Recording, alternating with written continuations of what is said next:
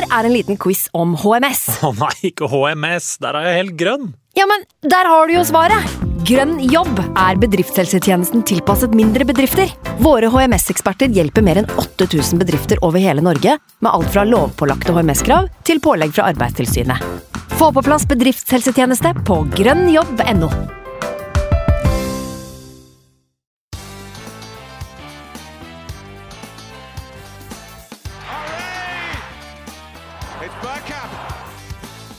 for grabs now! The next station is Arsenal. Velkommen skal du være til en splitter ny episode med Arsenal Station med Magnus Johansen og meg, Simen Goffeng. Historiens beste FA-cuplag cruiser videre i verdens eldste fotballturnering. Oppskriftsmessig seier mot Newcastle gjør at vi nå står med fire strake. I dag skal vi se litt nærmere på Emil Smith-Roe og hva hans eh, inntreden har betydd. Vi skal innom overgangsspalten, og vi skal som alltid innom Magnus eh, sin X-spillerspalte helt mot slutten av eh, pod-episoden. Ja, livet smiler, eller, Magnus?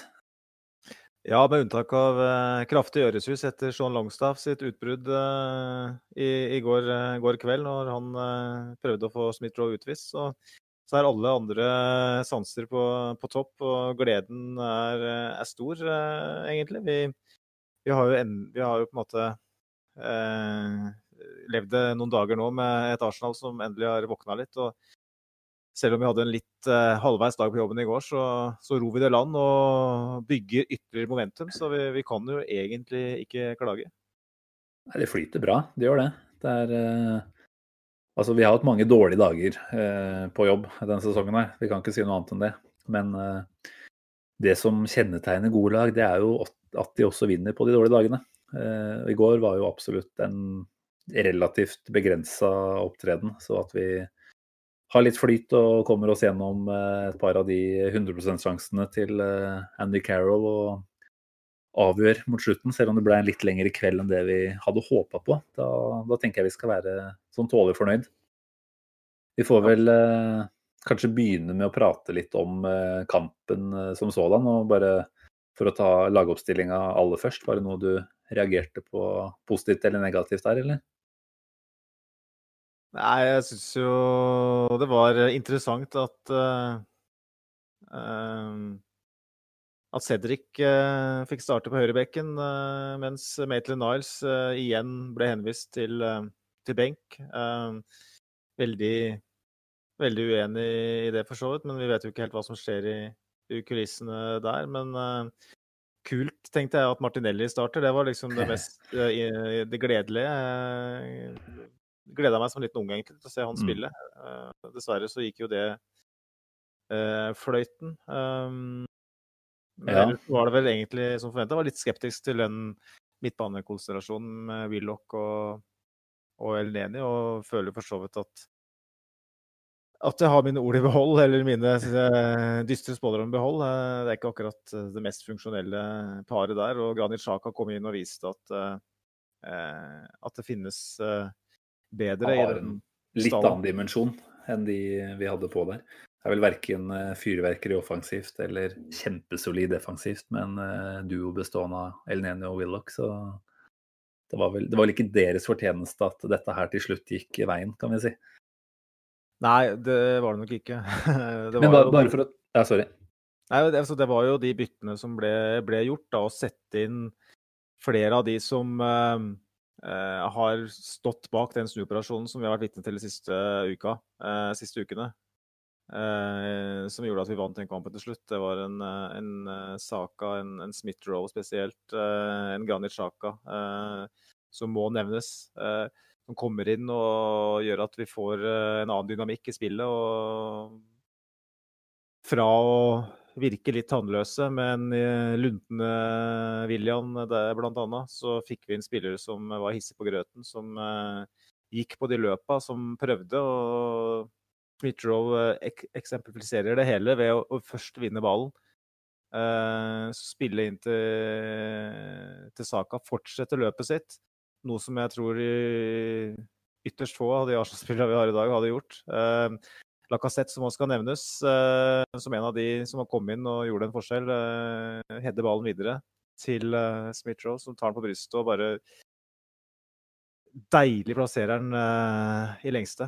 Um, et, et, øyeblikk som, uh, fra Smith-Roe som på mange måter uh, definerer han, og som definerer forskjellen på han og William, mm. som ble plukka av vel rundt 60-65, hvis jeg ikke husker feil. Stemmer. Han gikk av etter 66 uten å ha bidratt med noe særlig.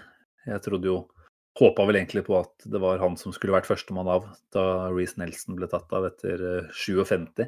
Eh, ikke at Nelson heller eh, gjorde noe stor eh, kamp, men William må jo sitte og kjenne på en litt flau smak i munnen når han har vært usynlig og nesten sånn at du lurer på om aktivt går inn for å gjemme seg bort i en drøy time. Da. Og så kommer Smith-Roe inn og rett og slett blåser liv da, i den eh, offensive I hvert fall deler av det offensive spillet vårt. Han, eh, han får ting til å skje og er liksom en eh, konstant nå når vi får til ting framover. Han er, om ikke alltid nest sist eller sist på ballen, så er han delaktig i det oppbyggende spillet med de bevegelsene han legger ned og sånt. Så det er veldig gledelig å se det. Og kan jo håpe fortsatt på at noen av disse litt mer meritterte og rutinerte tar eh, opp hansken og ser på det som en eh, challenge. At de ønsker å vise at vi er også her for å bidra, og kan ikke la en 20-åring komme inn og, og, på en måte få det til å se så enkelt ut når jeg ikke får til en dritt sjøl. Så la oss håpe at William ser på det som en, eh, en liten utfordring og ikke noe siste skudd for baugen, på en måte. Den, eh, den avslutningen han hadde i går, eh, det var vel eh, en retur som havna i beina på han innan femmeterboksen der, og han dundret til med venstrebeinet der. og ja.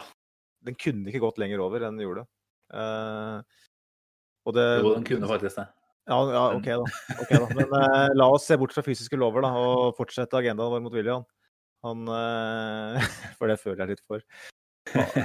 Hvis du snakker, snakker, om det og, og, og, nærmest bevisst prøver på å sabotere det, så begynner han begynner jo å lure. Selv om jeg, ikke, jeg tror ikke det, altså, for all del. Men det er liksom sånn derre eh, Selvfølgelig satte han den 200 eh, meter over.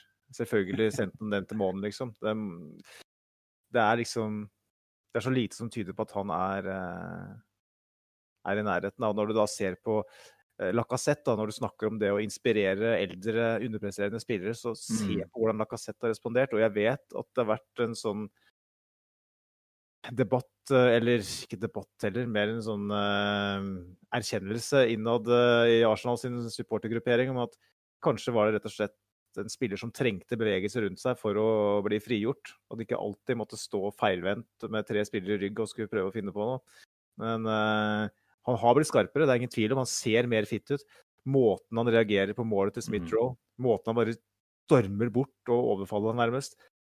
Altså, mm. Du ser jo at her er en spiller som virkelig vil, og som virkelig bryr seg. Mm. Eh, mens, uh, mens, William da virker ikke å bry seg. Uh, og hvis William hadde vist litt engasjement, prøvd, men han mislyktes, så hadde vi jo akseptert det. Vi er jo ikke sånn at vi tenker at han, fordi at han kommer fra Chelsea, så så skal vi på en måte ta han for hver eneste lille ting. Det handler om at han rett og slett virker å ikke prøve. Mm. Uh, og det Alle ser det samme. Uh, jeg vet at du og Simen ser det. Og Arteta prøver jo å bygge han opp igjen etter kamp. Uh, skal vi se, hva var sitatene hans? Husker du det? Skal jeg fiske, finne det fram her? Jeg kan ikke si at jeg husker det, nei.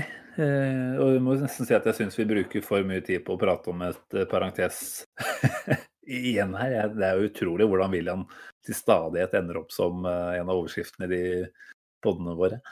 Men, men, det er klart, han, han er jo en, en, spiller av høy status med høy lønn, så det skulle bare mangle at man får lov til å, å ta han litt ekstra. Ja, jeg syns det. Um, jeg kan jo ta de sitatene når vi først har reklamert for det her. Ariteta Arteta sier at uh, I think he was improving and improving. He's been out as well because he was ill.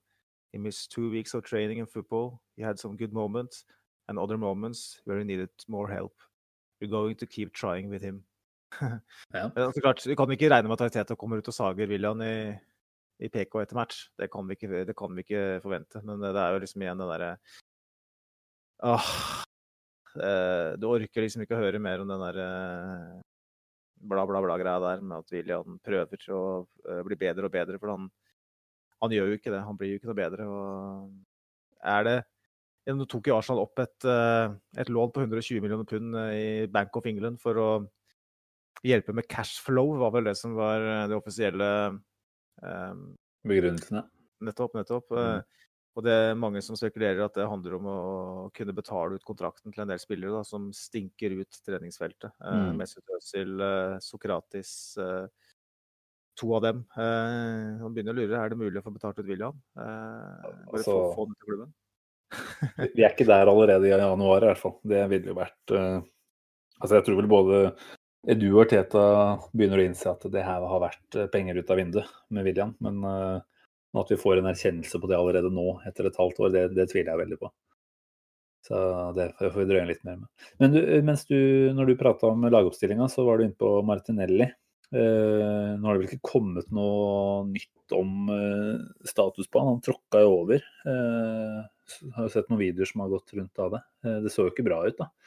Eh, og Arteta snakka om at eh, Martinelli gråt da han var inne og, og så til i garderoben etterpå. Eh, I verste fall der så får vi jo flere uker ute. Da er vi jo, om ikke i deep shit, så virkelig eh, Altså vi mister en, en viktig mann nå, da, i en periode av sesongen hvor vi faktisk begynner å kunne se litt oppover og, og i beste fall begynne å kjempe om en europaplass igjen. Så Mm. la oss eh, krysse fingra for at det ikke er mer enn eh, i verste fall noen få uker.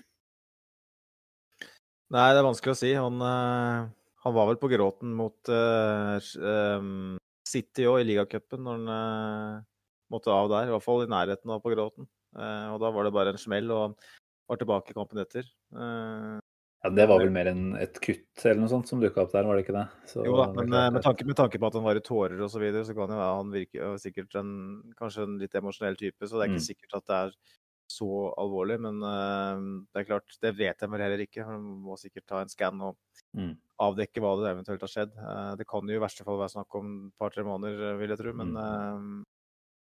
det er rart hvordan ting endrer seg på kort tid. Når den skadet seg mot City, så satt jeg på kanten av sofaen og var livredd, fordi at jeg følte at han var uh, Lysglimtet, Det var han som var håpet vårt. Uh, Mm. Jeg, jo, jeg tenker jo ikke noe mindre om Martinelli nå. Uh, det er bare det at vi har et par andre som har virkelig har stått opp, som gjør at uh, hvis han er ute et par måneder, så, så, så har vi i hvert fall noen andre som, som også har lysglimt, som òg kan være med å bidra til at sesongen ikke ble, faller tilbake til der den var da, før jul. Nei. Nei, nei, vi får se. Nå er det søndag kveld når vi sitter her og spiller inn, så det er mulig at i løpet av mandag eh, morgen formiddag at det kommer en oppdatering. Eh, kampen som sådan, du hoppa egentlig ganske kjapt fram til eh, Smith-Rose eh, ledemål her. Det var jo ikke veldig mye å rope hurra for eh, fram til dit. Vi hadde vel ikke akkurat hvordan statistikken så ut, det var jo ganske jevnt sånn i avslutninger og avslutninger på mål, mener jeg.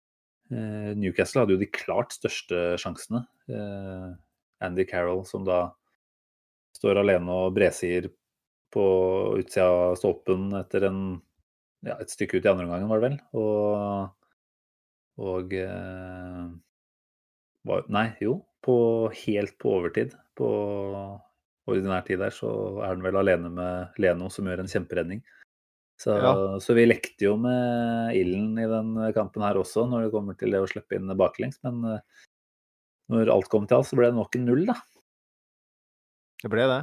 Uh, jeg syns ikke at vi, at vi nødvendigvis uh, gjør altfor mye for å sørge for det sjøl. Uh, fordi vi, Newcastle kom ikke til Emirates for å angripe. De forsto vel i pausa at, at dette Arsenal-laget ikke var eh, på nivå med det som spilte mot West Bromwich for noen dager siden. Så de, jeg, jeg vet ikke helt bakgrunnen for byttet, men de satt vel inn, tok vel ut en stopper og satte inn en, uh, en kantspiller. Eh, jeg vet ikke Rich, om Richie spilte back eller hvordan det var, men i alle fall så Det virka for meg som et offensivt bytte. Eh, og Newcastle gikk mer offensivt ut i andre omgang og var jo nær ved å ved å lykkes òg. Men Mm. eh, samtidig så er det viktig å påpeke at eh, eh, etter 120 minutter så har Arsenal 25 skudd, eh, hvorav 9 på mål. Mens Newcastle har 12, eh, hvorav 2 på mål. Det ble Eh, såpass, ja. Så vi, vi, vi dominerte jo kampen sånn ut ifra statistikken. Eh, Det var bare det at, eh, at eh, innen ordinær tid da, så hadde Newcastle to sjanser som var større enn en de vi skapte. Og det forteller jo på en måte en historie om et Arsenal som ligna litt mer på det Arsenal vi så eh, for et par uker siden. Eh, Mm.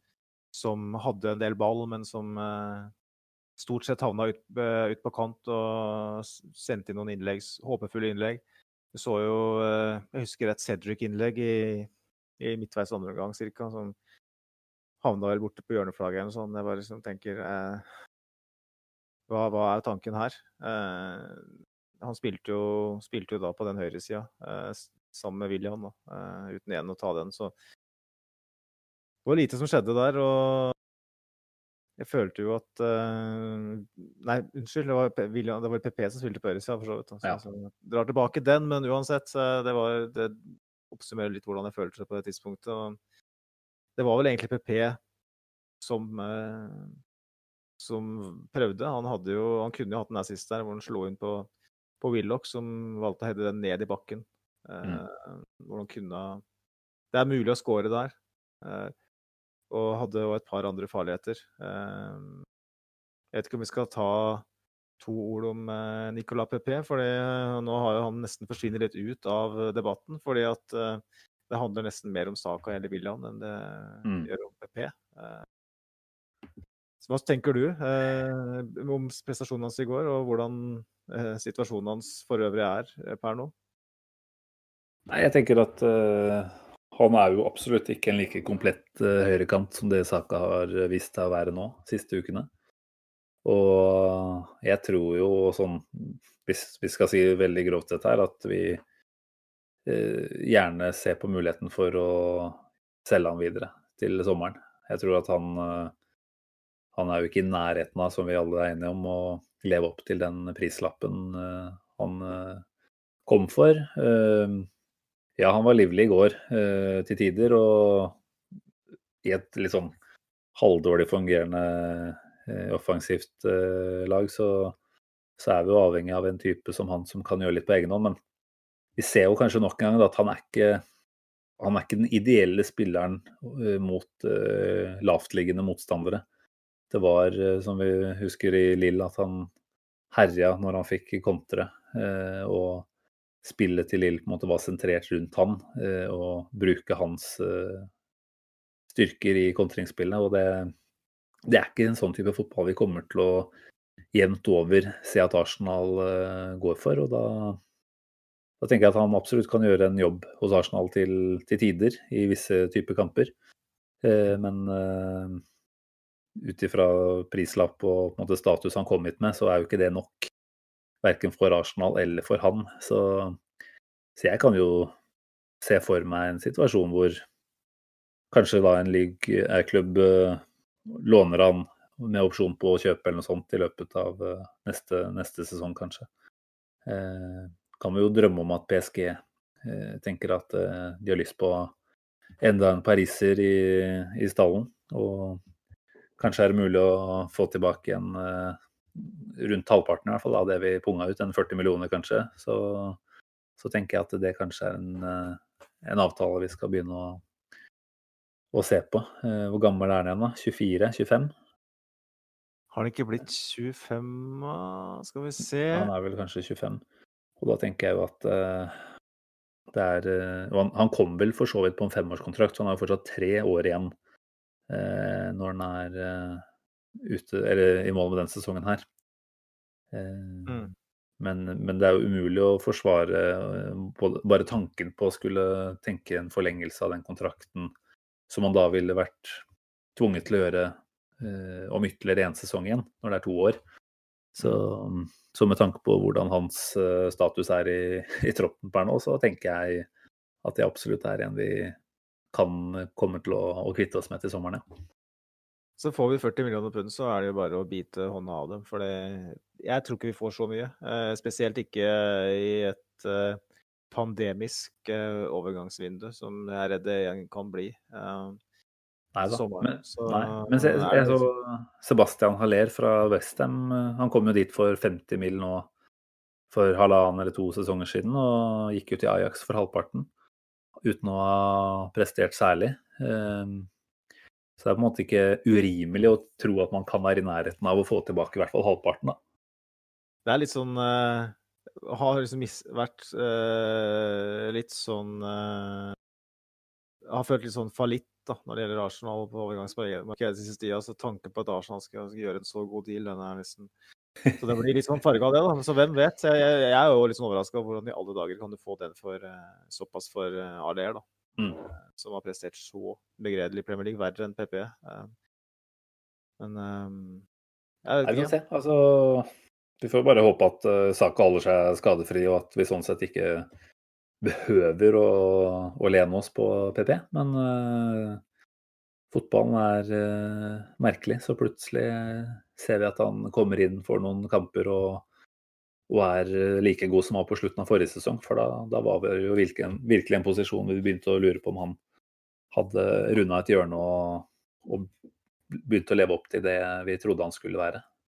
Så Ja. vi får se. Men eh, jeg syns jo virkelig Magnus, at vi lovte i introen å snakke litt om eh, Smith-Roll. Litt mer, litt ordentlig. Gå litt i dybden. Eh, nok en gang så går jo han og argumenterer for at han er med og endrer det offensive spillet vårt når han kommer inn. Han kommer vel inn etter en times spill ca. Eh, og er jo åpenbart eh, delaktig i en del av det som skjer framover. Blir avgjørende. Eh, Vi kan jo kanskje også nevne at han i verste fall kunne vært utvist eh, før vi kom dit. Men at en eh, relativt fornuftig Chris Kavanagh fant ut at han skulle gå og sjekke på varskjermen, og da trakk det røde kortet. Eh, var det da du hadde relativt høye desibelnivåer eh, på øra? ja, for jeg fikk ikke med meg eh, at han hadde fått det røde kortet i sekvensen i forkant her. For det eneste jeg fikk med meg, var at Smith-Rose eh, holdt seg til hodet. Så jeg tenkte at har han knekt beinet på fyren? Eller Mm. er det? Er han Eller er han bare redd for å få det røde kortet? Eh, Så når eh, Kavanagh går bort til VAR-skjermen da og returnerer med, med VAR-tegnet og plukker det røde kortet Jeg ser han plukker det røde kortet opp fra, kortet opp fra lomma. Da er jeg veldig raskt oppe på, på labba og griper tak i den korkopptrekkeren som har fått seg så mange lufteturer i, i fjor høst, og skriker eh, noen ukvemsord eh, før før jeg rekker å lade kastearmen eh, tilfredsstillende nok, så, så ser jeg at han gjør den der klassiske eh, tegnet hvor han eh, da avfeier det. og rett og slett tar tilbake det røde kortet da, og gir det gule. Eh, Så det var jo kanskje det beste øyeblikket for meg i går. For jeg så jo for meg at Smith-Roe nå blir han ute i tre ligakamper. Mm. Og for oss akkurat nå så er det Med Martinelli ute i tillegg, så er jo det krise. Vi Jeg vet at nå må vi bruke ordet krise mindre, for det har brukt det så mye de siste tre-fire månedene. Men det føltes veldig kritisk på det Mm. tidspunktet. Og mm, det hadde jo vært en skandale eh, hvis han hadde fått rødt kort for den. Eh, Det var jo knapt gult, så heldigvis så ble det med det gule. Yes. Ja, og det kom tilbake og ga oss eh, seieren. Eh, han var jo, som du var inne på her, delaktig både i ballgjenvinninga og da i å fortsette løpet og avslutte på en ganske teknisk vanskelig måte, egentlig. Man får ballen kjapt, eh, må ta den med seg på bryst og avslutte på halv volley. Perfekt avslutning, egentlig, langs eh, bakken og stangen. Helt utagbart for keeper. Begynner jo å se ut som en ganske komplett offensiv spiller, eh, Smith-Raw. Vet ikke helt hvor vi skal starte med han, jeg. Annet enn at han har jo da bare vært inne i varmen, hvis man kan si det sånn, de siste fem-seks kampene, egentlig, sånn ordentlig. Og starta jo da Er det riktig at den Chelsea-kampen var første starten hans eh, den sesongen? her? Ja, i alle fall i ligasammenheng. Ja. Eh, Og det er jo mange årsaker sikkert til at eh, det ser ut til å gå bedre da, siden da, men det er vel ikke veldig, veldig vanskelig å se at uh, Smith-Roe har uh, måtte gjort, uh, gjort at det flyter skikkelig framover nå. Han, han, er liksom en som Vi har vel vært inne på det tidligere òg. Får, får, det offensive til å være sammenkobla. Altså han er på en måte en sånn ja, pulserende kraft som sørger for at det kommer blod ut i alle ekstremitetene rundt omkring på, på flanker og, og lenger fram. Og må jo si at han på ganske kort tid nå uh, har blitt egentlig en uh, ener i den uh, rollen han utøver. virker å skjønne veldig godt hva Arteta vil. Hvis Arteta har bedt om dette, det er jo kanskje et spørsmål.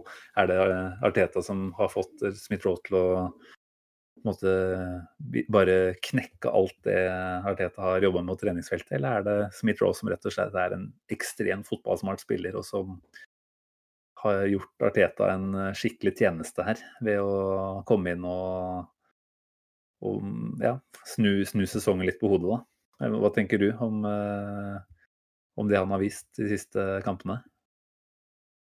Jeg syns du oppsummerer det godt. Han er jo en eh, connector, eh, noe vi har savna veldig. Eh, det var jo eh, nærmest et, et eh, gapende behov, eller gapende hull i det laget med den offensive midtbanespilleren. Vi prøvde jo hardt i sommer på å hente Awar, og eh, lyktes ikke med det. Og Teta sa vel tilbake så sent som i så tidlig som i juli at Sammenligna med det laget han spilte i, du hadde Wilshere og Øzil og Rositski osv., hvor du hadde mange sånne typer spillere. da. Så har du på en måte nesten ingen i, i, i dagens lag. og eh, Det var jo det som var håpet òg, at eh, ettersom Øzil er i eksil, så eh, trenger vi at, eh, en, at, vi får noe hjelp litt fra uventa hold. Og Smith-Roe er jo det, fordi han har jo mm. ikke vært en som vi har snakka så veldig mye om. fordi vi, vi, visste at det var en skade her, men vi var usikre på hvor alvorlig den var, og hvorvidt uh, Ariteta egentlig var noe, noe stor fan uh, mm. osv. Uh, men han har jo uh, Hva skal jeg si? Ja, tatt, tatt, oss med storm. Og nå så virker det jo, som jeg sa i stad, uh, tanken på at han skulle vært ute i tre kamper. Hvis det røde kortet hadde blitt stående for såkalt violent conduct, så hadde det jo vært veldig kritisk for oss. for at han har egentlig pusta liv i hele den der uh, offensive lagdelen vår. Og uh, jeg syns jo han har uh, påminnet oss om behovet for den spillertypen i, i laget. vi har vært veldig flinke til å kvitte oss med den type spillertyper de siste åra. Og vi har vel kanskje ikke vært våkne nok til å skjønne at det kunne bli veldig skummelt. og vi skal ha en overgangsspalte etter hvert uh, i den podkasten her og eh, jeg er jo redd for at, uh, at å plassere for mye ansvar på Smith-Roll kan være skummelt. Da, både med tanke på skadehistorikk og, og mangel på erfaring. og vi vet jo ikke hva han får til over lengre tid. og kanskje må vi må vi dyppe foten ned i i trøbbel å si, i overgangsmarkedet igjen. Bare for å sikre oss at vi, at vi, har flere som kan det. Men det er ikke dermed sagt at ikke dermed sagt at uh, en vi henter, vil kunne klare det. Jeg, jeg vil ikke ta noe bort fra, fra Smith-Roe heller. Uh, han har, har, løst det på eksemplarisk vis. Altså. Han viser, jeg synes jo han har blitt Han ser jo større og sterkere ut enn han var. Uh, synes jeg. Han, han jobber knallhardt defensivt. Det er en moderne offensiv midtbanespiller. Mm. Som sagt, som jeg nevnt, han vinner ballen i forkant av, av målet sitt der, og han uh, har i de kampene han har spilt nå, flere ganger uh, klart å skubbe motstander av ballen. og en Smith-Rowe, når vi tenker tilbake på den tida han kom og spilte Europaligaen for oss under Emery, så var det jo en spiller som hadde endeprodukt. Det har han vist så til grader nå men som kanskje mangla den, den, fysiske biten. Mm. Uh, den har han uh, virka og tilegna seg. Uh, og i tillegg, som sagt, uh, bare bekrefter han at han har. Uh, det er noe vi har visst hele veien at han har. Og han tar det til et nytt nivå, så det er vanskelig å ikke ta av.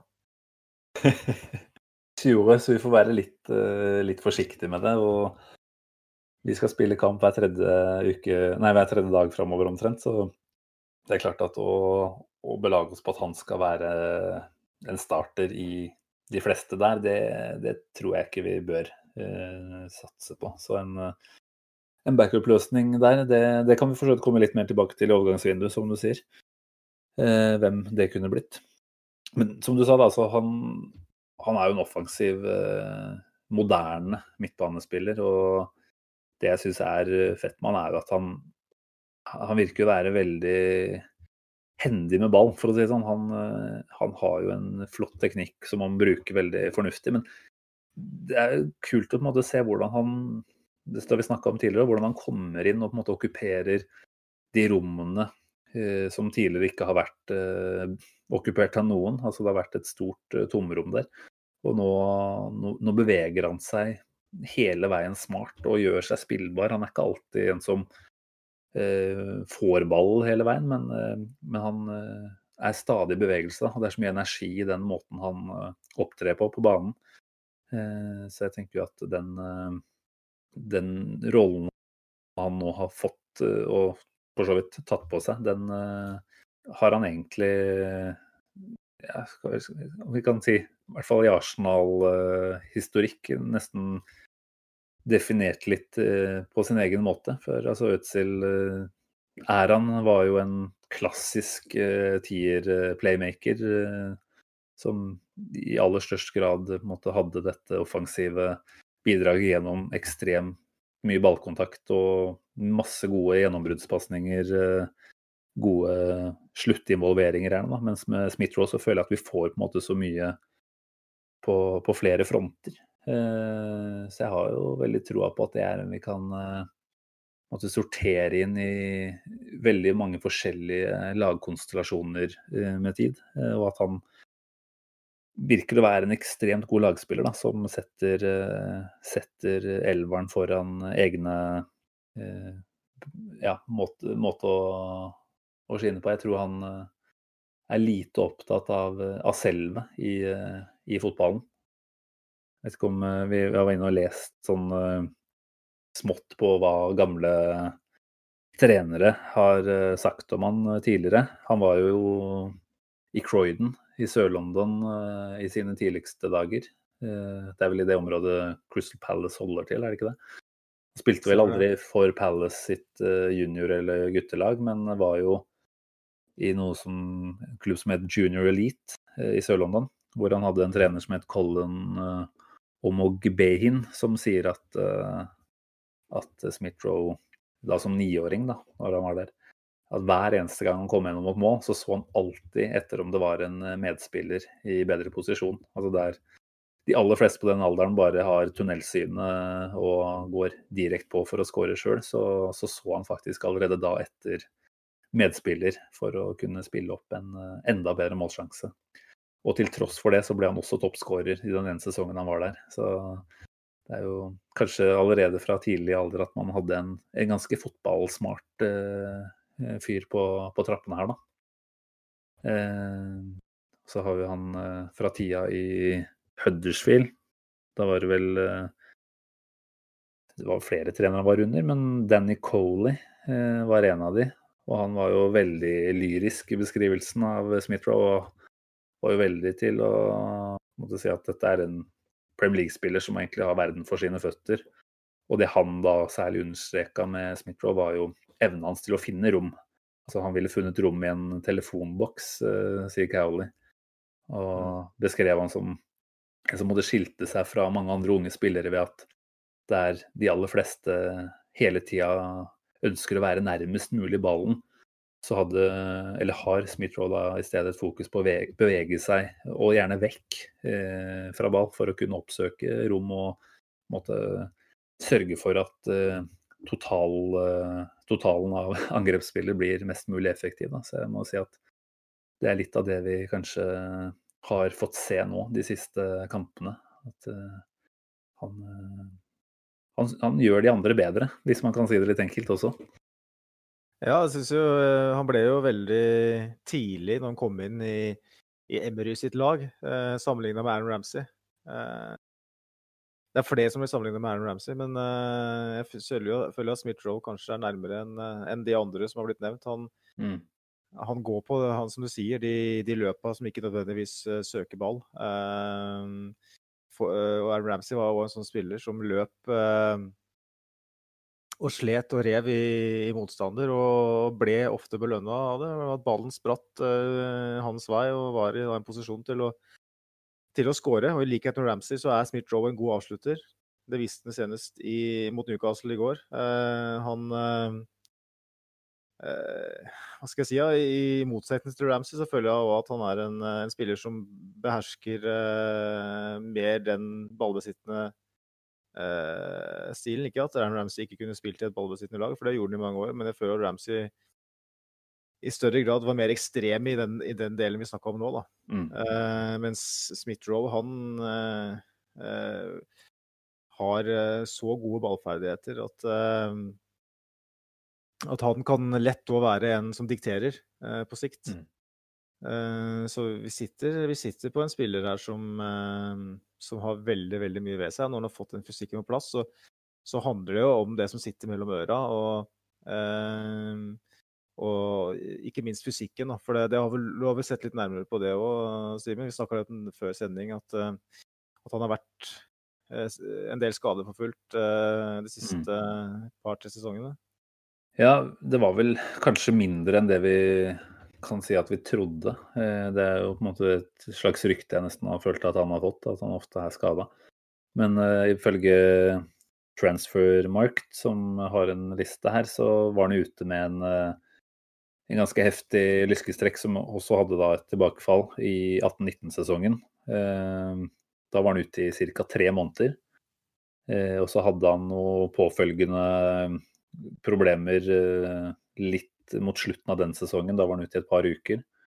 Og så hadde han jo denne sesongen her, eh, hvor han var ute i en drøy måned, da, eh, ganske tidlig, med en skulderskade, som for så vidt da ikke skal settes i sammenheng med dette andre.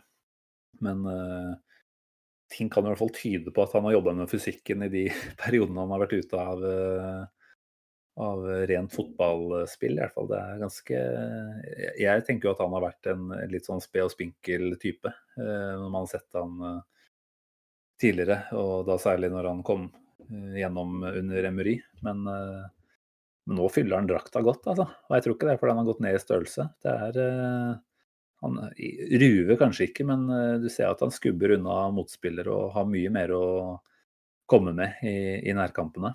Og så tror jeg kanskje vi må nevne det aller viktigste. Han har bretta de eh, strømpene deilig langt ned på leggen, så du ser jo hele den nydelige leggmuskelen eh, svulmer opp eh, over strømpene. Og I tillegg så pleier han å bruke svarte sko, så det er jo noe sånn fint retro over, over han også, da. Kommer fra litt, litt harde Sør-London og har vel fått, fått et par kallenavn der. og Croydon De Bruyne er vel eh, et av de. Eh, Så når du sammenligner med, med Ramsey, så vil jeg absolutt si at uh, sammenligninga med, De Bruyne også kanskje er eh, valid, selv om vi ikke skal uh, bli altfor uh, ivrig nå for tidlig. Men uh, du føler at det er noen likhetstrekk der, kanskje? Ja, vi kan jo ta med Grealish òg, når du nevner det med sokka. Så, Ja.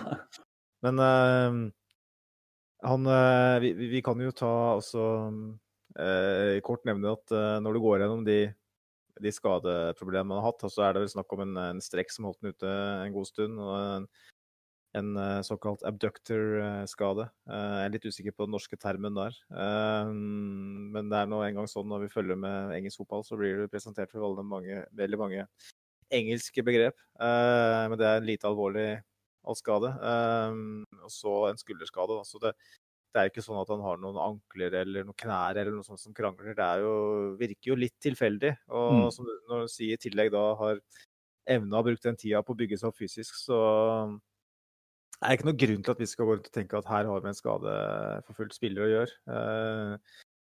Eh, Det kan vi for så vidt nærmest eh, avkrefte, basert på de skadene han har hatt, i Mm. hvert fall. Så får vi Mm. se eh, hvordan han takler å spille på det nivået her uke etter uke. For det tror jeg han kommer til å gjøre nå, eh, resten av sesongen. Ja da, det er klart når han hviles fra start i FA Cup-kamp mot Premier League-motstand, da er det jo alle tegn som tyder på at ja, han har selvfølgelig også spilt en del nå siste ukene, men, men at han er en som er tiltenkt en startplass i neste Premier League-match allerede på torsdag. Det er det ikke noe tvil om. Så kult å se hvordan spillernes status i troppen endrer seg såpass fort, altså. Det, og han har gjort seg så fortjent. Så, så det er uh, veldig gøy. Eh, vi må jo bare fortsette litt da, på denne hyllestferden. Eh, nå har jeg nevnt et par gamle trenere. Syns jo vi skal skru klokka bare en uke tilbake, da, hvor Øtzil var ute på Twitter etter West Bromwich-kampen. Og da var det han skrev en der. At det er ikke, det er ikke noe tvil om at spillet flyter bedre med en, en nummer ti som Emil Smith-Roe. Jeg husker ikke akkurat måten han ola seg på der.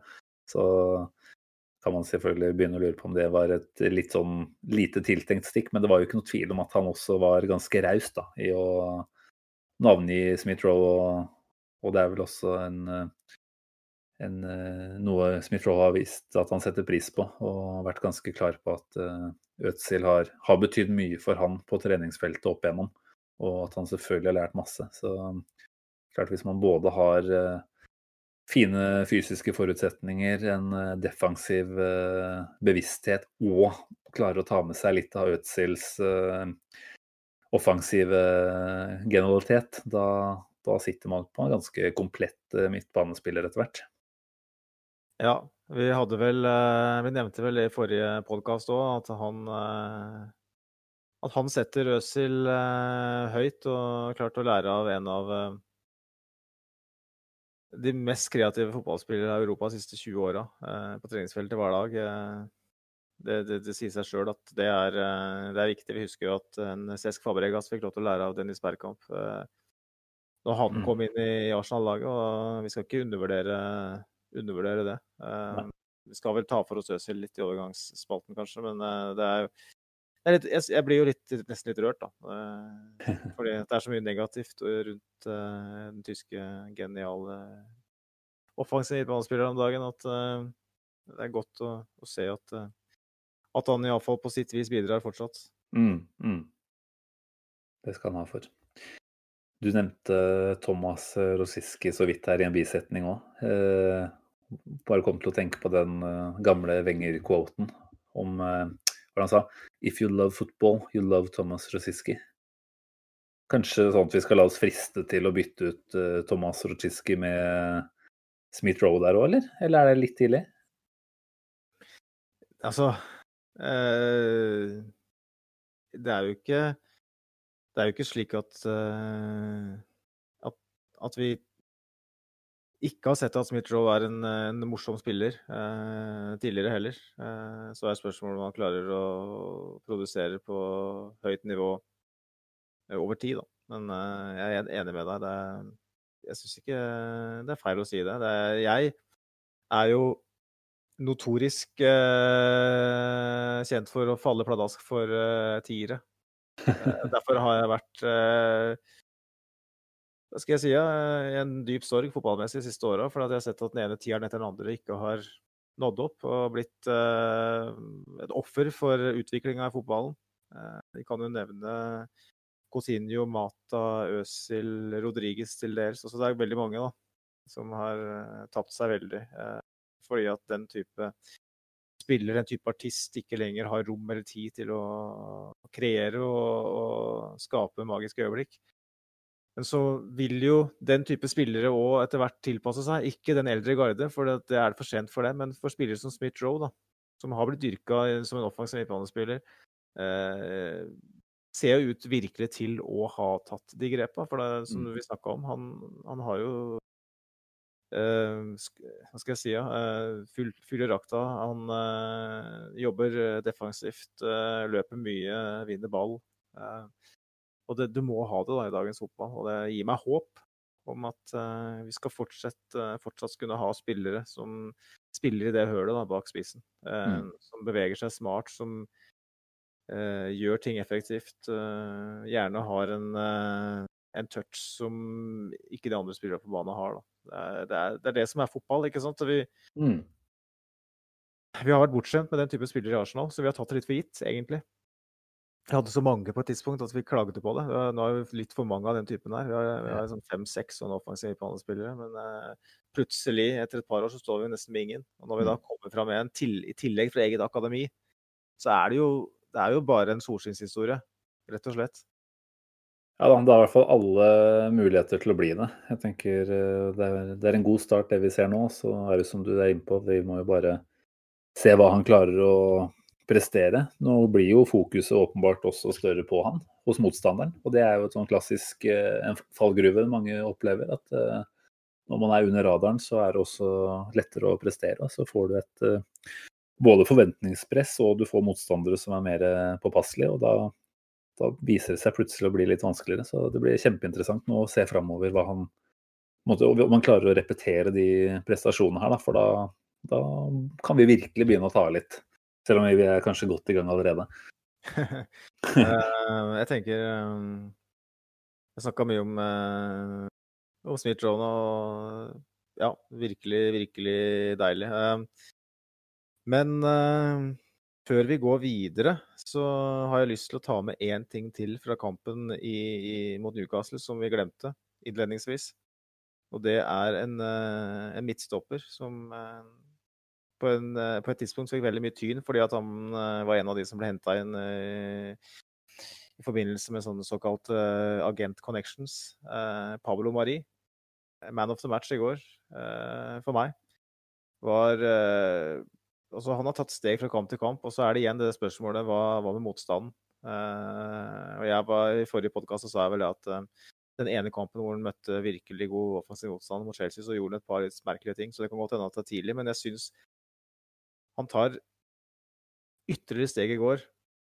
Uh, Newcastle går litt mer offensivt ut i andre omgang, og jeg syns Pablo Mari virkelig storspiller. Altså, han har mm. Han har 78 eh, pasninger med 94 eh, treffprosent. Han har to nøkkelpasninger, tre driblinger. Mm. Eh, så fire taklinger eh, som en vinner.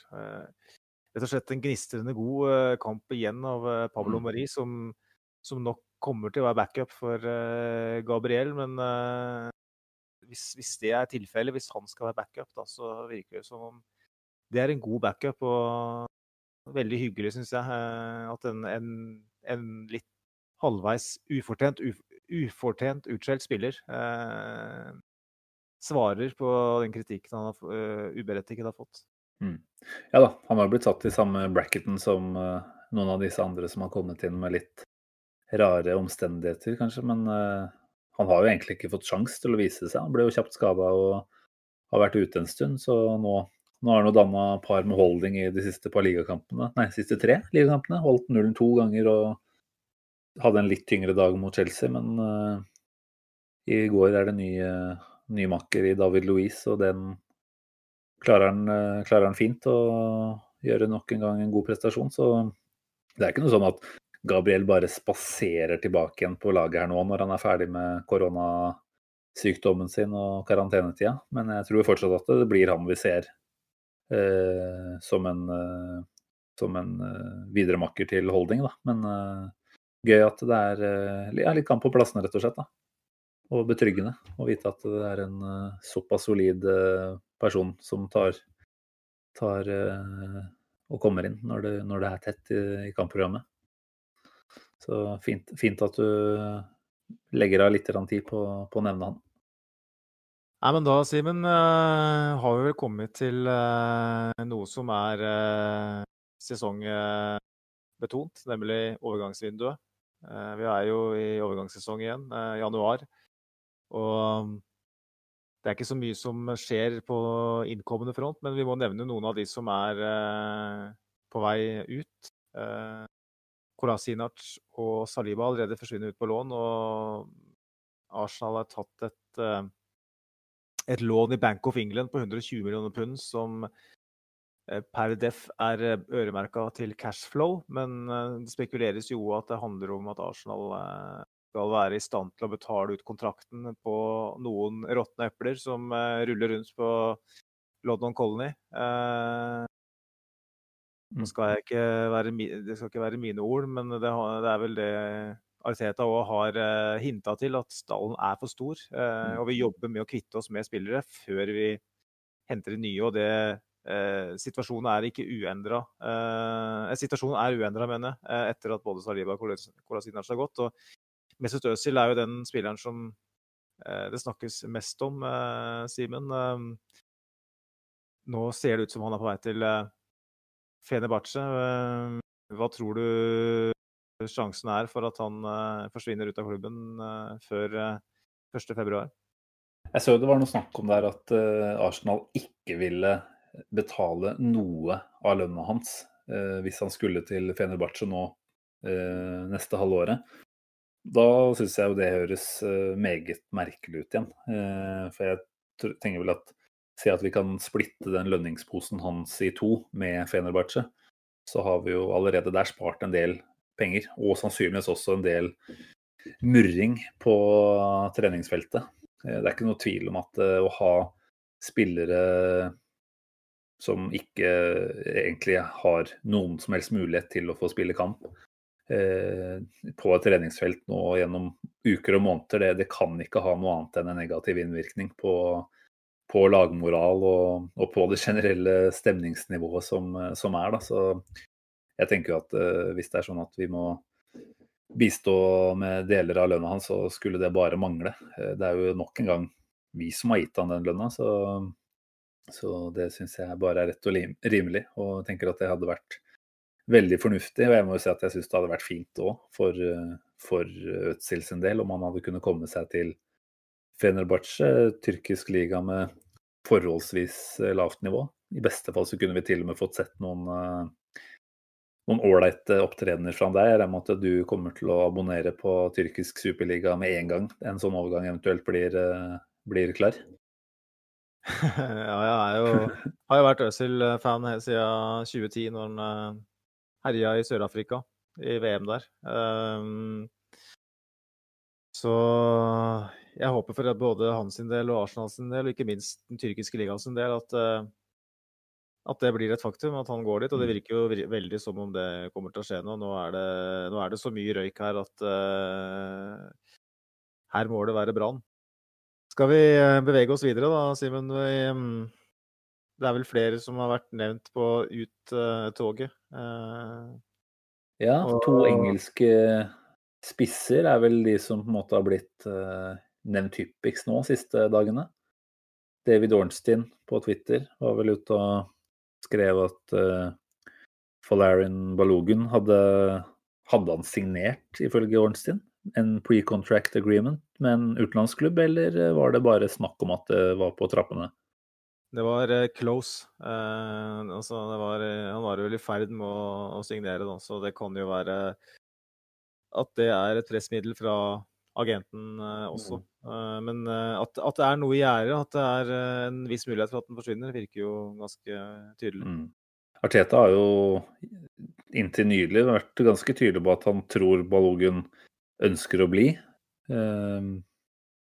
Men når vi da ser at han ikke engang er i troppen da, mot Newcastle, så blir jeg jo litt sånn hva er det Arteta tenker? Eh, Jeg, jeg tenker at eh, ønsker du å holde en unggutt som han eh, blir, så, så gir han i hvert fall en eh, plass i kamptroppen da, i en FA Cup-kamp. Eh, Men eh, nei, det er eh, vanskelig å si hvor eh, Han var jo veldig på vei ut allerede i fjor sommer, trodde vi. Og så ble han jo, og så har han jo ikke signert. Og så tyder vel ting på at han kanskje ikke gjør det. Men eh, Og det tenker jeg er trist, for eh, i mine øyne så framstår han som en mer spennende spisstype enn eh, Eddie Nketia, som, som var nestemann vi skulle til. Der har vel ryktene gått om Er det Westham og Wolverhampton? Hva, hva tenker du om når du hører de klubbene der satt i sammenheng med Nketia?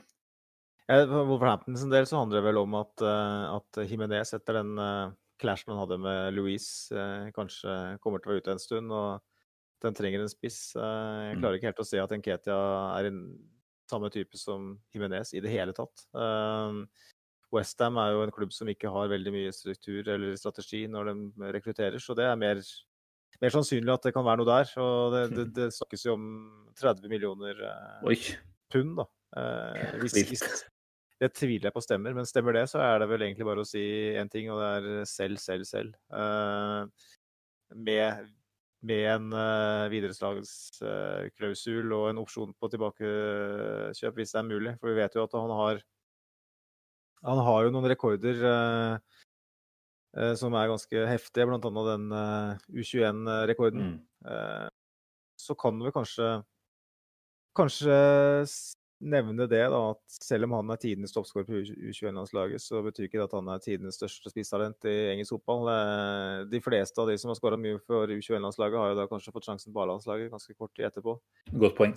Mens Nketa ikke har tatt det steget, og det ser vi jo veldig i, i Arsenal-drakta. Han, eh, han er en rev i boksen og en god avslutter, men han mangler mye på den der allround-delen av spillet sitt. Og jeg tipper jo at kommer det inn et, eh, et saftig bud, så vil Arsenal absolutt være villig til å, til å forhandle, i hvert fall. Men eh, jeg er veldig usikker på om, om det er noe hold i det. Nei. Nei, jeg vet ikke. Det, da skal det vel også begynne å vurderes å hente inn en, eh, en spiss også. Hvis, særlig hvis både Balogun og Enketia turer. Da, da trenger vi jo en ekstra der. Patsen Daka da, fra Salzburg har vel vært nevnt. Eh, Zambisk eh, spiss, vel. Har vært der noen sesonger. Jeg skal ikke si at jeg veit noe, men jeg har sett noen summer vært nevnt, sånn 12 millioner pund-klassen. Det er jo noe vi sånn sett burde kunne klare å finansiere hvis vi selger en eller to av disse unge gutta. Det handler jo om å, å gjøre som vi gjorde med Evobi, da. Eh, når det kanskje etter hvert blir klart at eh, de ikke er eh, så gode som vi håpte. Eh, kommer det inn et stort bud da, så er det jo sånn rent klubbdriftsmessig veldig smart å selge. Eh, Yes. 40 millioner pund for, for Iwobi skulle vi få igjen. Du ser jo Liverpool, sånn Liverpool holder på, da. Men fikk igjen 25 eller noe sånt. Eller var det mye var det? Var det 18, kanskje? 18 millioner pund for Ian Brewster Mm. som eh, vel ikke har så veldig mye å vise til, annet enn at han brukbart opphold i championship i fjor, på lån. Mm. Så eh, Nketia hadde jo ditto det samme i Leeds, for så vidt. Det var bare det at han eh, ikke passa inn i den Bielsa-fotballen. Mm. Eh, men som målskårer så viste han jo hva han kunne, og det han til dels vist i Arsenal også. Så hvis det kom inn et bud på han, han på 20 millioner pund, og det, det er jo ikke helt utenkelig, så så er jo det god business for Arsenal sin del. Eh, En som ble henta fra Chelsea som unggutt for at han ikke fikk eh, plass der. og Vært i Arsenal-akademiet, har, eh, oss all, ikke kosta oss all verden. Eh, det er jo det er jo en genial måte å drive fotballklubb på, hvis du klarer å hente såpass mye for en spiller som ikke er god nok for din klubb. Ja, nei, jeg ville nok ikke grått om vi var i nærheten av å runde 20-millionersmerket for uh, Enketia. Da er det bare å selge. Og så må vi bare nevne til slutt at uh, Maitland Niles, da, der var vi vel sannsynligvis ute og avslo bud fra Wolverhampton i sommer. Han har jo, føler jeg i hvert fall, nesten ikke spilt siden, eh, siden da. Og når vi nå har Cedric på denne fireårskontrakten, og han får spille FA Cup-kampen etter eh, når Bellerin skal hvile, da, da lurer jeg jo på om vi er der at eh, et nytt bud på Maitland Niles bør vurderes ganske sterkt, da. Ja, jeg er enig. og eh, jeg må bare si det at eh, For meg så er det verdt det å avslå det. fordi at eh, den straffa han satte mot Liverpool i, i cupen, og det påfølgende smilet for meg var verdt eh, flere hundre millioner. Millionglise. En, en, en av sesongens største oppturer for meg. Jo, sant. Det er et godt poeng. Setter pris på de øyeblikkene der. Ja, jeg vet ikke om det er noe mye annet. Altså, vi snakka jo om både Buendia, Julian Brandt i tidligere forrige eh, episode her. Eh, Ikke noe nytt rundt de. Og da må vi jo kanskje bare nevne så vidt at vi også kan begynne å leke med muligheten på at vi ikke henter spillere i det hele tatt. Hva tenker du om vi står i en eh, sånn situasjon i slutten av januar, Magnus? At vi faktisk ikke har henta en eneste? Ja, vi, som supportere så er vi veldig sånn at uh, når overgangsvinduet er åpent, så må vi, vi må gjøre noe. Vi må ta grep. Vi må alltid liksom sørge for at vi, vi gjør alt i vår makt uh, for å kunne ro inn uh, sesongen på best mulig vis. Men nå har vi lært å kjenne Arsenal eh, de siste åra på overgangsmarkedet som en klubb som ikke har spesielt mye strategi bak det de gjør. Eh, og vi er livredd for at de skal finne på noe sånn eh, panisk igjen da, og hente en eh, spiller på en lang kontrakt som ikke passer inn, som ikke er riktig. Så det er no business er god business, eh, er vel et sitat vi kan støtte oss til, kanskje. Kan være, i hvert fall. kan være. Eh, Mm. Jeg, jeg tror det, Arsenal er tjent med å, å vente. Hvis det er sånn at de har spillere i kikkerten som eh, de tenker er eh, eh, de rette på sikt, så er det bedre å vente til sommeren eh, enn å panikkjøpe tredjevalget, eller fjerdevalget, eh, som vi Jeg har gjort det mange ganger. Mustafi. Eh, så, men det eneste jeg har lyst til å nevne, eh, er at jeg Hvis vi ikke henter en ny keeper, så står vi i fare for å fullstendig spore av alt som er. For hvis Bernt Leno blir skada, og Runar Runarsson skal inn og være førstekeeper for Arsenal, så kommer ikke vi til å vinne mange fotballkamper, tror jeg. Han er Åh, for et kapittel.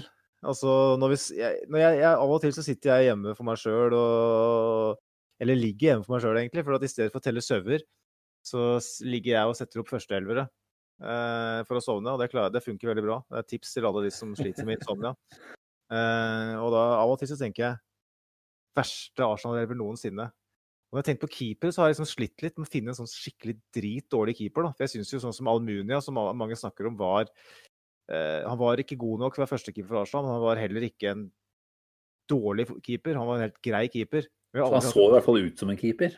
ja, men Runar Runarsson er et så soleklart valg på keeperplass som Stepanos eh, er på midtstopperplass. Altså, han er helt Han virker helt ute, altså.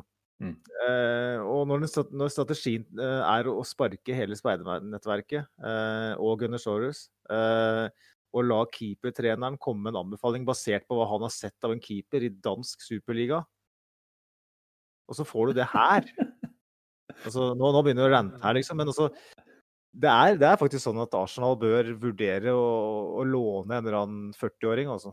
Er Jens Lehmann uh, villig til å komme på et nytt lån? Eller vi må oh. gjøre et eller annet der, føler jeg. da. For Runa Runarsson Ja, nei, Det er jo ikke sånn at det ikke kan skje, at vi plutselig må belage oss på en andre keeper. Så nei, fader heller. Det vi så han i ligacupen, det, det var jo til å få mareritt av. Så det er klart, med, med den eh, innsatsen der, så vet jo en potensiell motstander framover at det er bare å skyte fra 50 og inn, så kan den fort gå inn. Da, da blir det er, noen ikke- det, er, ikke sånn at eh, at det er noen sånne motstridende rapporter fra Carreras i Frankrike heller. Han var jo ansett som kanskje den dårligste keeperen i, i ligaen. Uh, og det ble stilt store spørsmålstegn fra fransk perspektiv. Hvorfor henter vi Hvorfor henter Mm. Arsenal den keeperen her? Mm. Uh, en veldig merkelig signering. og uh, tar opp en, eh, en homegrown-plass også. Eller en, en verdifull ikke-homegrown-plass, er det jeg prøver å si. Så det koster mye på mange måter. Jeg ser vi har han Arthur Okonko har vel blitt ikke nødvendigvis flytta opp, men, men trener i hvert fall fast med førstelaget, ser det ut til. Så jeg er vel absolutt her at om, om ulykka skulle være ute, så for guds skyld, ta heller og investere noen uh, timer i Okonko, som sannsynligvis ikke er noe dårligere per i dag, og helt sikkert har potensial til å bli mye, mye bedre.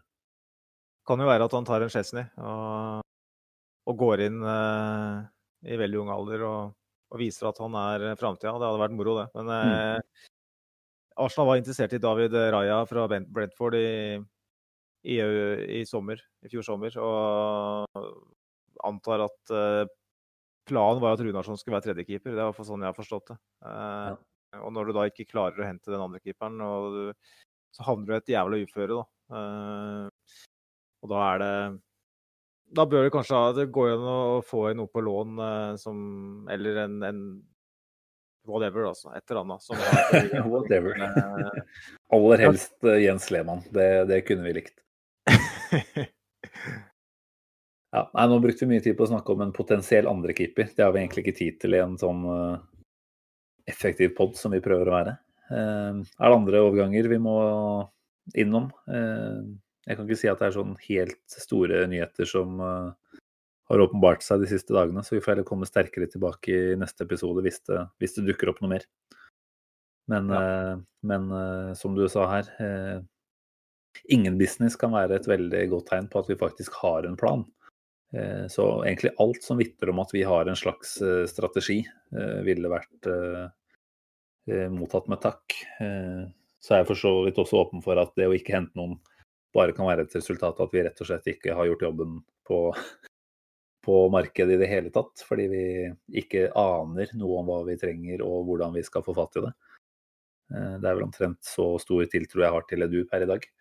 Men, eh, men vi kan jo i hvert fall eh, da trøste oss med at vi ikke har forplikta oss til å betale en overtoppen over toppen spiller de neste to og en halv sesongen eller noe sånt. For det er, er det dummeste vi gjør. Det er å forplikte store pengesummer eh, til, eh, til lengre perioder. Så kanskje en lånsignering eller to. Eh, Sørge for at Smith Roe ikke blir eh, spilt helt eh, ned i kjelleren. Og ha noe å, rotere på der. Så begynner vi å nærme oss nå, kanskje.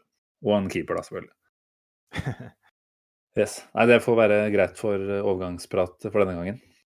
Som hvilket betyr at uh, vi nærmer oss slutten på denne podden, Magnus. Men da, da har vi jo heldigvis kommet dit at vi skal få legge oss tilbake på, på godstolen og beina høyt. Og sigaren kan jo for så vidt også døttes inn.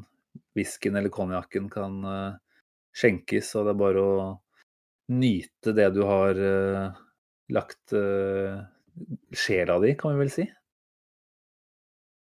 Tja, eh, jeg har nå brukt eh, et par eh, timer denne uka her òg på å hente fram litt eh, gammelt, gammelt nytt. Men eh, Gammelt nytt eh, i form av en X-spiller. Vi får se hvor gammelt det blir da, i denne gangen her.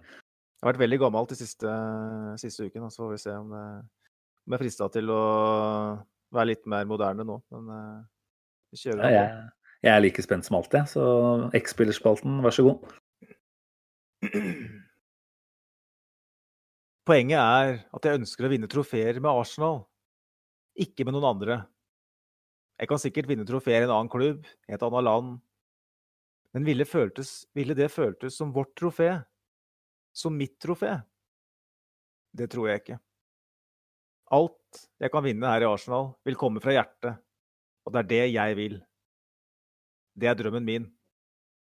Jeg tror folk vet det om meg. Jeg er kun sulten på å vinne med Arsenal. Og that's it. En kjær kjærlighetserklæring som dette er ikke hverdagskost for den moderne fotballsupporter. De romantiske ordene traff alle som elsker Arsenal, midt i hjerterota. Endelig har vi en som bryr seg. Endelig har vi en som forstår. En ny Mr. Arsenal, kanskje? Mange tenkte det. For dagens X-spiller hadde allerede røkket å være i klubben i syv sesonger da disse ordene ble ytret. Og han var i ferd med å bli klubbens største stjerne. Kun måneder senere fikk han æren av å bære tittelen som kaptein for Arsenal Football Club. Dere vet nok allerede hvem jeg snakker om. Men la oss gå tilbake til begynnelsen. Da Arsenal var på sitt aller heteste og verdensstjerner lekte seg til gull og glitter på Hybrid-matta, hadde Arsen Wenger allerede fremtiden i tankene. Han visste at gullalderen nærma seg slutten, og han begynte strategisk å finkjemme markedet for de beste unge talentene i Europa. Dagens X-spiller var en av de utkårede.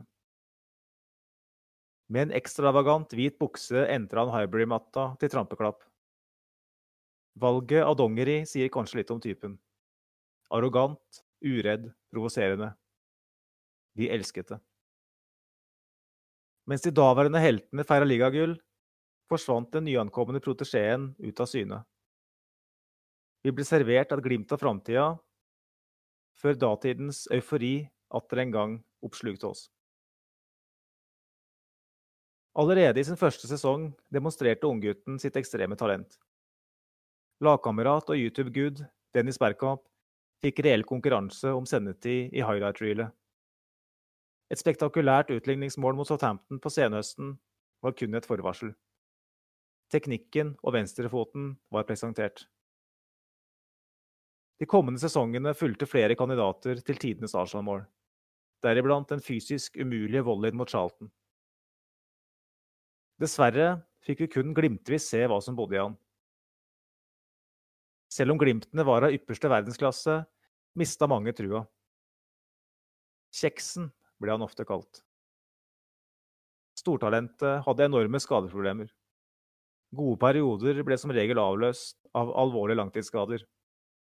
Men Arsen Wenger sto ved ham. Han ga ham ny femårskontrakt da nok en skade skulle sørge for evigheter på sidelinja. Han unnlot å signere en klassespiss, og venta i stedet på at dagens mann skulle returnere. Gang på gang. Han beskytta ham også alltid da det storma som verst på privaten. Wenger tok rollen som farsfigur og venta tålmodig på at det skulle løsne. Og da det først løsna, ja, da løsna det for alvor. Om det var den berømte hestemorkaka eller tilfeldigheter som sørga for å holde superretometerfordeleren på plass, vites ikke. Men pedalen ble tråkka gjennom gulvet, og det gnistra plutselig av Arsenal-spissen. I løpet av halvannen sesong noterte han seg for 48 fulltreffere på 63 kamper i Premier League. Og det i et lag i kontinuerlig omstilling og uten kreatører som matcha hans elleville nivå. Han formelig bar Arsenal på sine skuldre i sesongen 2011-12. Den første sesongen han noensinne holdt seg helt skadefri. Det endte med toppskårertittel samt utmerkelse for årets spiller i Premier League. Han var på alles lepper. Volleyen mot Everton, hat tricket mot Chelsea, bananskruen mot Spurs. Øyeblikkene var mange. Det var dermed helt naturlig at økonomisk dopede rivaler begynte å skrangle med rubler og vifte med sedler. Men heldigvis hadde vi med en ekte Arsenal-gutt å gjøre. Han var jo kun sulten på å vinne med Arsenal. Og that's it! Det var jo drømmen hans. Eller Etter monstersesongen hadde han kun ett år igjen av kontrakta. Og tross uttalte lovnader drøyde det med bruk av fyllepenn. Ettersom ukene gikk, ble behovet for blodfortynnede større. Og røyken fra media var ikke til å ta feil av. Her brenner det. Den 4. juli 2012, mens våre amerikanske venner tente på grillen, ble vi som er glade i, i The Gunners, penetrert av en forrædersk brevkniv. Dolken var dryla inn.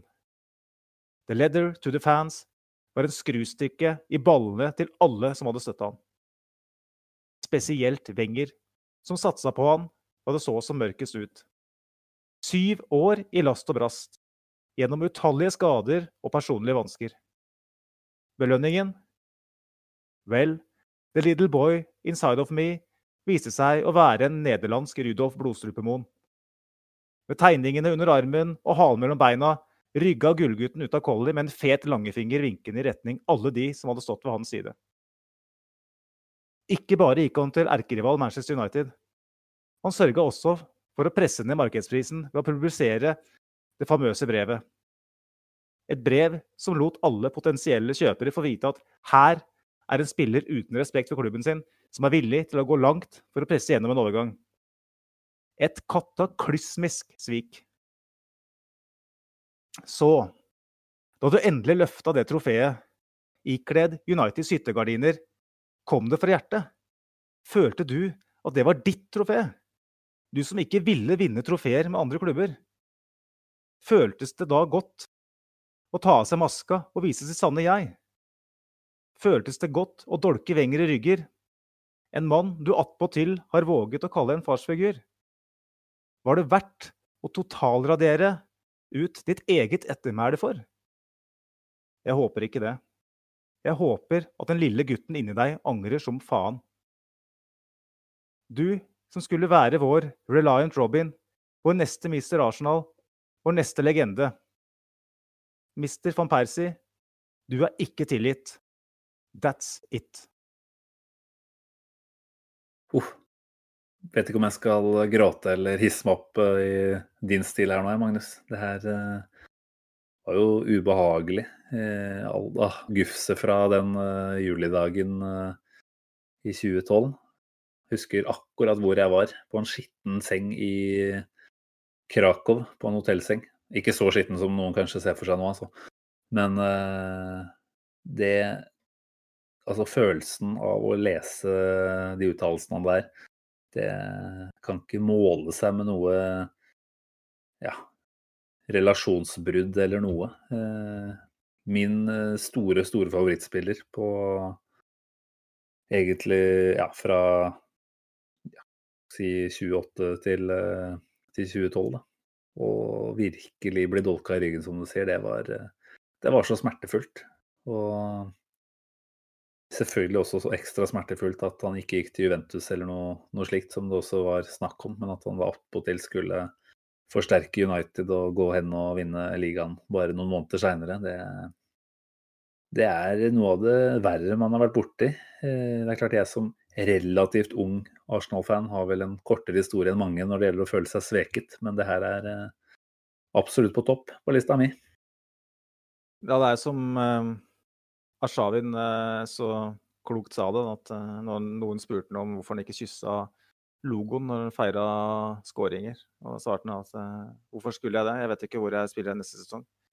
Og det er jo kynisk, men det er jo litt sånn, ja. sånn det er. Og van Persie, han eh, han eh, gravde et hull i bakken for seg sjøl med å, å, være så eh, Altså ha så varme ord hele veien om Arsenal og hva mm. Arsenal betydde osv. Og, så og så da blir sviket så mye større. Og jeg føler jeg, Det var en ganske personlig tekst uh, fra min mm. side, da, så jeg føler jeg har sagt mitt sånn sett. Men jeg, eh, jeg merker jo at, en, at, jeg, at, hjertet hamrer litt her, for det Ja, nei, det, det satte i gang eh, mye. Og det er klart uh, Vi hadde jo sommeren før, som alle husker, mista Nasri og Fabregas. og trodde jo da kanskje litt naivt på disse ordene fra van Persie tidligere om at, at han hadde et hjerte som, som lå til klubben. Og ikke minst med tanke på alle, all tålmodigheten han hadde fått av Wenger. Eh, altså, jeg vet ikke hvordan eh, oppmøteprosenten hans var jeg, på jobb eh, før denne ordentlig gode perioden. Det føltes ut som han var borte 50% av tida ca. Så et sykefravær som hadde satt den langt ut eh, i de fleste jobber. Og allikevel så hadde han en sjef som ga han stadig mer tillit, egentlig. og egentlig baserte angrepsspillet sitt på van Persis uh, tilstedeværelse i, i 2011-12-sesongen. Og for så vidt fikk Wenger betalt, men uh, van Persie følte vel at uh, klubben ikke hadde helt samme ambisjonsnivå som han selv. Og det, det, det, kan man jo på sett og vis forstå. Ikke at jeg har lyst til å bruke for mye forståelse på han her nå, men Wenger har vel også vært ute og nevnt litt om dette her i boka si, har han ikke det? Som han eh, kom ut med tidligere. Om... Ja, han var jo veldig vag på det, da. Eh, veldig vag, men uh, har vel egen Jeg tror vel nesten han klassifiserte som et av sine bedre salg. På grunn av, jo, men pga. ett år igjen på kontrakten, og vi fikk vel en opp mot 30 millioner pund. Men uh, det er vel vanskelig å si seg enig i det. Men uh, der har du gentleman Wenger som kanskje tar uh, mer uh, hensyn til enkeltpersonene han møter, enn uh, en egen klubb og egen person. Altså, Van Persie han sa jo veldig lite om det her fram til han la opp som fotballspiller. og Etter det så har det kommet med en del drypp om hva som egentlig skjedde. det siste sitatet jeg hørte som jeg syntes var ganske interessant, var at han sa at Gazidis hadde kommet med noen dokumenter og sagt at se hvor godt eh, klubben gjør det. Se hvor, hvor godt stilt vi er økonomisk osv. Og, så og da von Persie sagt at I don't give a shit about that, liksom. Og da tenkte jeg, hvorfor i helvete sa de ikke noe om det i media, da? Mm. Da hadde du kanskje kunne krevd en litt uh, affeksjon fra Arsenal-supportere, hvis du hadde sagt det som det var, i stedet for mm. å stikke av med halen mellom beina på den måten der. For det, komme med det nå, det, det er ingen som tror på han, liksom. Det er ingen som tror på en dritt av den fyren der sier. Nei, det er jo en slange, så jeg tenker slanger slange kommer med gift uh, til levetid. Så den, uh, den tunga der, den uh, lystrer vi ikke lenger. Jeg hadde en van Persie-drakt eh, som jeg klippa i stykker, men jeg tok vare på emblemet og sydde meg en fet Arsenal-bokser, faktisk. Men resten av, resten av den van Persie-drakta gikk rett i søpla. Tror det var mange drakter som brentes eh, den sommeren der. Ikke Ja, jeg, det har jeg vel nevnt i podkasten tidligere, men jeg gjorde det på, på Kveldsnytt på NRK, så det Det er vel nesten sånn at vi skulle søke opp en eh, liten eh, kopi av det videoklippet der, føler jeg. Jeg skammer meg nesten litt over det, jeg må si det. Men uh, jeg var en ung uh, forbanna fyr som ikke tenkte lenger enn uh, øyeblikket. Så, Ja. Men det, det sier litt om eh, hva slags følelser som ble satt i sving uh, når, når den eh, bekreftelsen etter hvert kom. Mm. Ja, nei, men uh, bra tilbakeblikk å ta med seg dette her. Eh, et av de man absolutt må innom. Og så er det vel sånn at X-spillerspalten lever opp til uh, jobben sin da, som en slags sånn uh, stemningsutjevner. Nå er det vel blitt sånn at når det går skikkelig dårlig på banen, så trår du til med et deilig tilbakeblikk. Og nå som det da har blitt bare fryd og gammen, egentlig, siste rundene, så, så var det vel bare på sin plass å få en av de aller, aller verste eh, Jeg syns nesten du kunne spart den til vi vant eh, ligaen eller Champions League. Da. Det er på en måte på det nivået han eh, ville jevna ut eh, stemninga riktig. Men, eh, men det var greit at du tok den nå.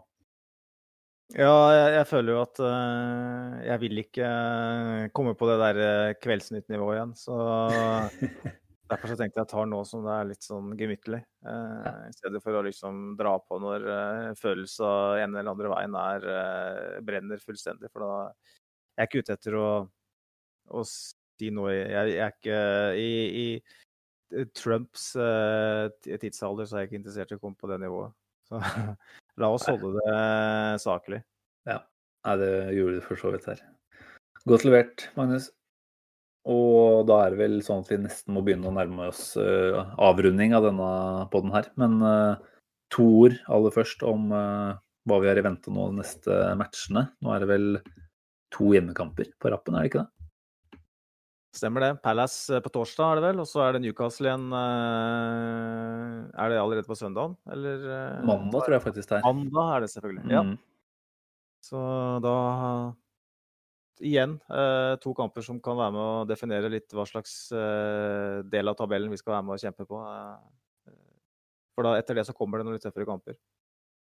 Ja, vi, vi kan jo ta de nærmere øyesyn senere. Det er vel både Southampton borte, United hjemme, Wolves borte, Aston Villa borte på rappen. Så det er klart, vi trenger jo å samle opp mest mulig poeng for det. Og det er klart, jeg har ikke lyst til å jinxe noe, men si at vi skulle klare å hente ut eh, full pott nå de neste to rundene, så er vi jo absolutt oppe i en europaligadiskusjon. Og eh, kan jo bare håpe på at eh, den godfølelsen vi da sitter med, kan sørge for at vi også tar med oss noe fra de litt fremtidige, litt presumptivt vanskeligere kampene. Så alltid viktig med tre poeng i Premier League.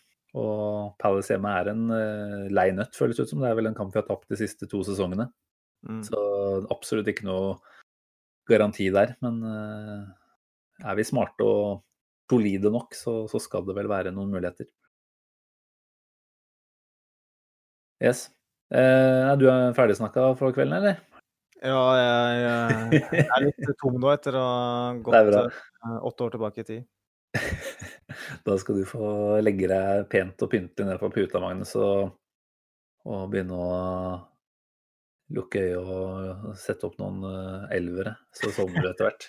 Skal vi se Runarsson. Lutsjny, Stepanos. Ja, det blir moro, det.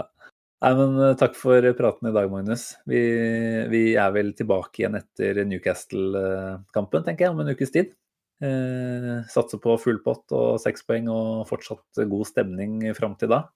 Får vi bare ønske alle våre kjære lyttere til eh, Ja, hva sier vi?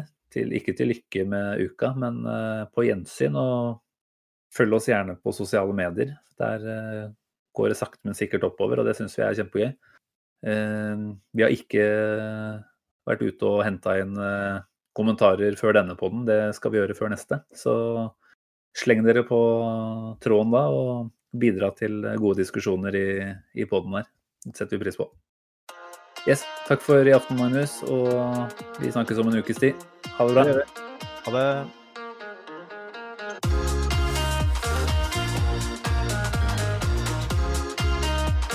This train terminates here.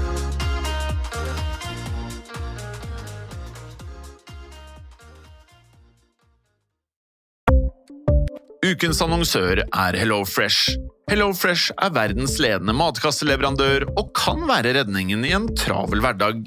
Mange av oss har nok vandret i butikken både sultne og uten en plan for middagen, som ender med at vi går for de samme kjedelige rettene gang på gang. Middag burde være dagens høydepunkt. Som HelloFresh kan du nå velge mellom 25 ulike retter hver eneste uke, eller få HelloFresh til å sette sammen menyen for deg. Dette gir deg muligheten til å prøve nye og spennende retter alene eller sammen med familien. Du velger antall porsjoner og får alt levert på døren på et tidspunkt som passer for deg. Oppskriftene er enkle, og maten er lett å lage både for store og for små. Ved å få alt levert hjem får du også mer tid til å dele matgleden med familie og venner. Kanskje det frister med asiatiske tacos eller greskinspirert kylling? Da kan jeg anbefale deg om å gå inn på hellofresh.no. Her kan du bruke koden FOTBALL og få opptil 1779 kroner i rabatt på de første fem matkastene hvis du ikke har prøvd HelloFresh tidligere. Du kan også bruke rabatten hvis du har vært kunde og stoppet abonnementet ditt for tolv måneder siden eller lengre. Gå inn på hellofresh.no og bruk koden FOTBALL. Har du et enkeltpersonforetak eller en liten bedrift?